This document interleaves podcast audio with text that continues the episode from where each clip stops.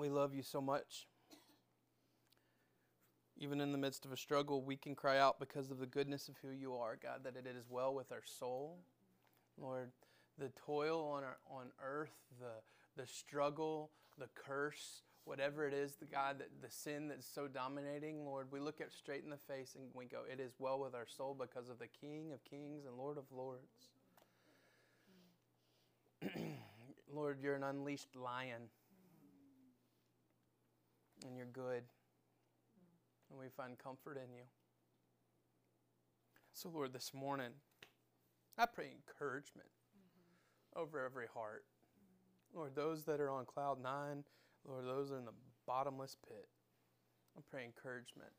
Lord, that you'd pull up next to each soul in this place and sit next to them a while. God, we thank you for who you are, and we thank you for moments like these. In Jesus' name, amen. Well, um, cool. Hey, I um, I don't do this often, but I have to brag for a moment. Can I brag for a moment? Um, yesterday we had uh, Max's Max turned nine on on Friday, and um, we let Max. Okay, so we have opinions about Harry Potter but we also have guided him through Harry Potter, okay? Um, so the trick with Harry Potter is we've taught Max, yes, this is real. If he thinks it's not real, that's when things get dangerous, right? Hey, yes, this is real. It's a fictional book, but it is real. Spiritual things really do happen in spiritual realms. But here's what Jesus does and kind of define the difference. So we've let Max read Harry Potter. He's got all into it. So we had Harry Potter birthday yesterday. My, my wife killed it. And then, hey, and then on top of it, we're doing it today. So I'm bragging on my wife in front of everybody, y'all. She's done incredible. She is the maintenance crew for Selah Memphis.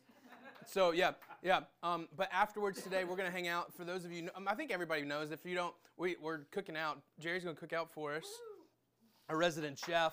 Um, and yeah, uh, and so hang out afterwards and stuff. But community's everything, right? And so as we sit in this hot room, um, because our AC is trying to keep up, um, man, this morning I, I, just pray encouragement. And so refreshment is a theme this morning. Refreshment is something that um, I kind of, uh, man, the Lord's been speaking into me a lot. And so we started two weeks ago when we met last on in, in our home.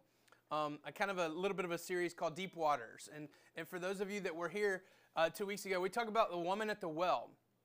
And remember the woman at the well, um, Jesus leaves and says, I have to go to Samaria. Had to go. And so remember the rest or the beginning of the story was this woman's outcast because she's in the middle of the day going to get water. At noon, no one goes to get water in the middle of the day. Usually, this was a very communal thing. Women would go with uh, the other women early in the morning to get water, but she went back in the middle of the day for some reason by herself. And Jesus is sitting there waiting on her. Jesus was very intentional for her. And remember, she was talking about what, what who I don't think you you don't even have a bucket to draw from this well. Remember she said that to Jesus.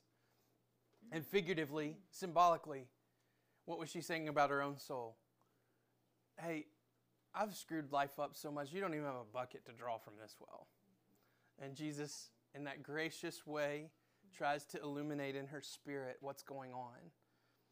And ultimately, Jesus was talking very literally to the thing that she was talking figuratively. She was saying, I'd love to have some of this water so I don't have to come back and get, get, give me this living water that you have. And I don't have to come back and do this chore anymore. And Jesus going, No, you're missing it. So Jesus drives home the point by saying, Hey, go get your husband. And she says, I don't have one. He goes, You're right. You've got five, and you, the one you're with isn't, isn't the one you're with, right? and um, in a gracious mindset, his kindness leads her to repentance. And the very first time anyone in Scripture refers to Jesus in a kind of sideways compliment about being Messiah. She says, How do you perceive all these things? Because only Messiah will be able to do this. And he goes, I'm the one you're talking about. First time ever. To a woman who's a Samaritan. Second class citizen, basically. And then they have the interaction. Jesus speaks to her.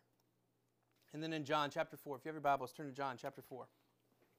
In John chapter 4, verse 28. Jesus speaks to her very intently. They have the interaction about Messiah. He says, I'm the one you're talking about. And so then, John 4, verse 28, she says that, or, so the woman left her water jar and went away to town and said to the people, Come see the man who told me all that I ever did. Can this be the Christ? So they went out of the town and were coming to him. Meanwhile, the disciples were urging him, saying, Rabbi, eat. But he said to them, I have food to eat that you do not know about. So the disciples said to one another, Has he brought any, has anyone brought him something to eat? And Jesus said, My food is to do the will of him who sent me and accomplish his work. Do you not say, There are yet four months, then comes the harvest? Look, I tell you, lift up your eyes and see the fields are white with harvest. Already, the one who reaps his is wa- receiving wages and gathering fruit for eternal life, so that the sower and the reaper may rejoice together. For here the saying holds true one soul sows and the other reaps. I've sent you to reap for which you did not labor. Others have labored, and you have entered into their labor. I'm going to pause there. Jesus has this interaction with this woman.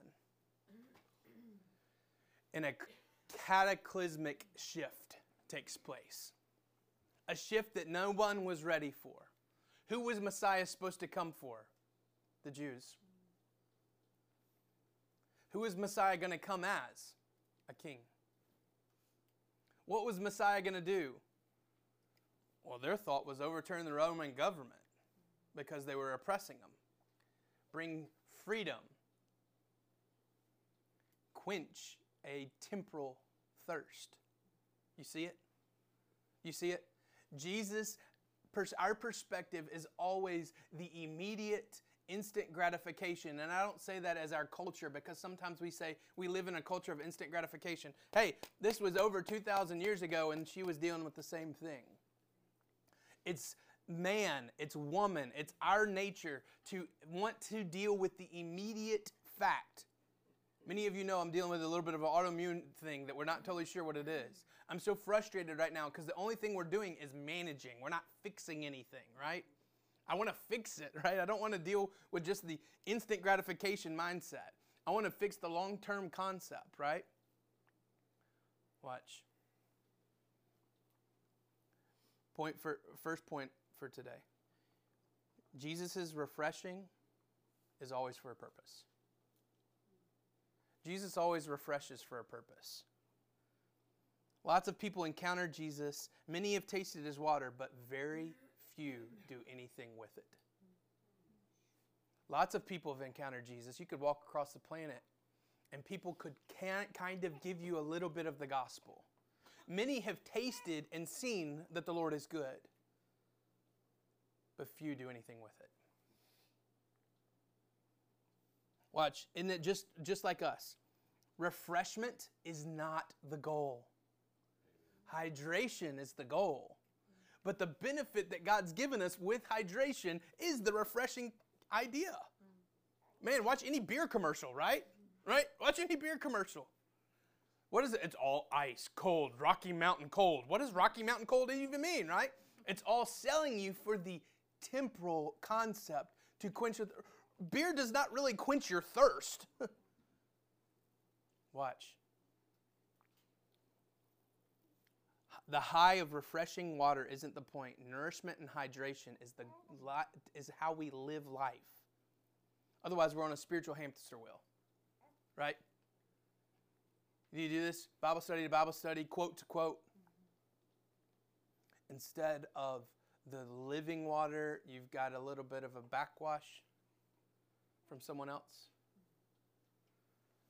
No, when we taste and see the Lord is good, He quenches our thirst to the point where refreshing is a good thing, but it's got a purpose behind it.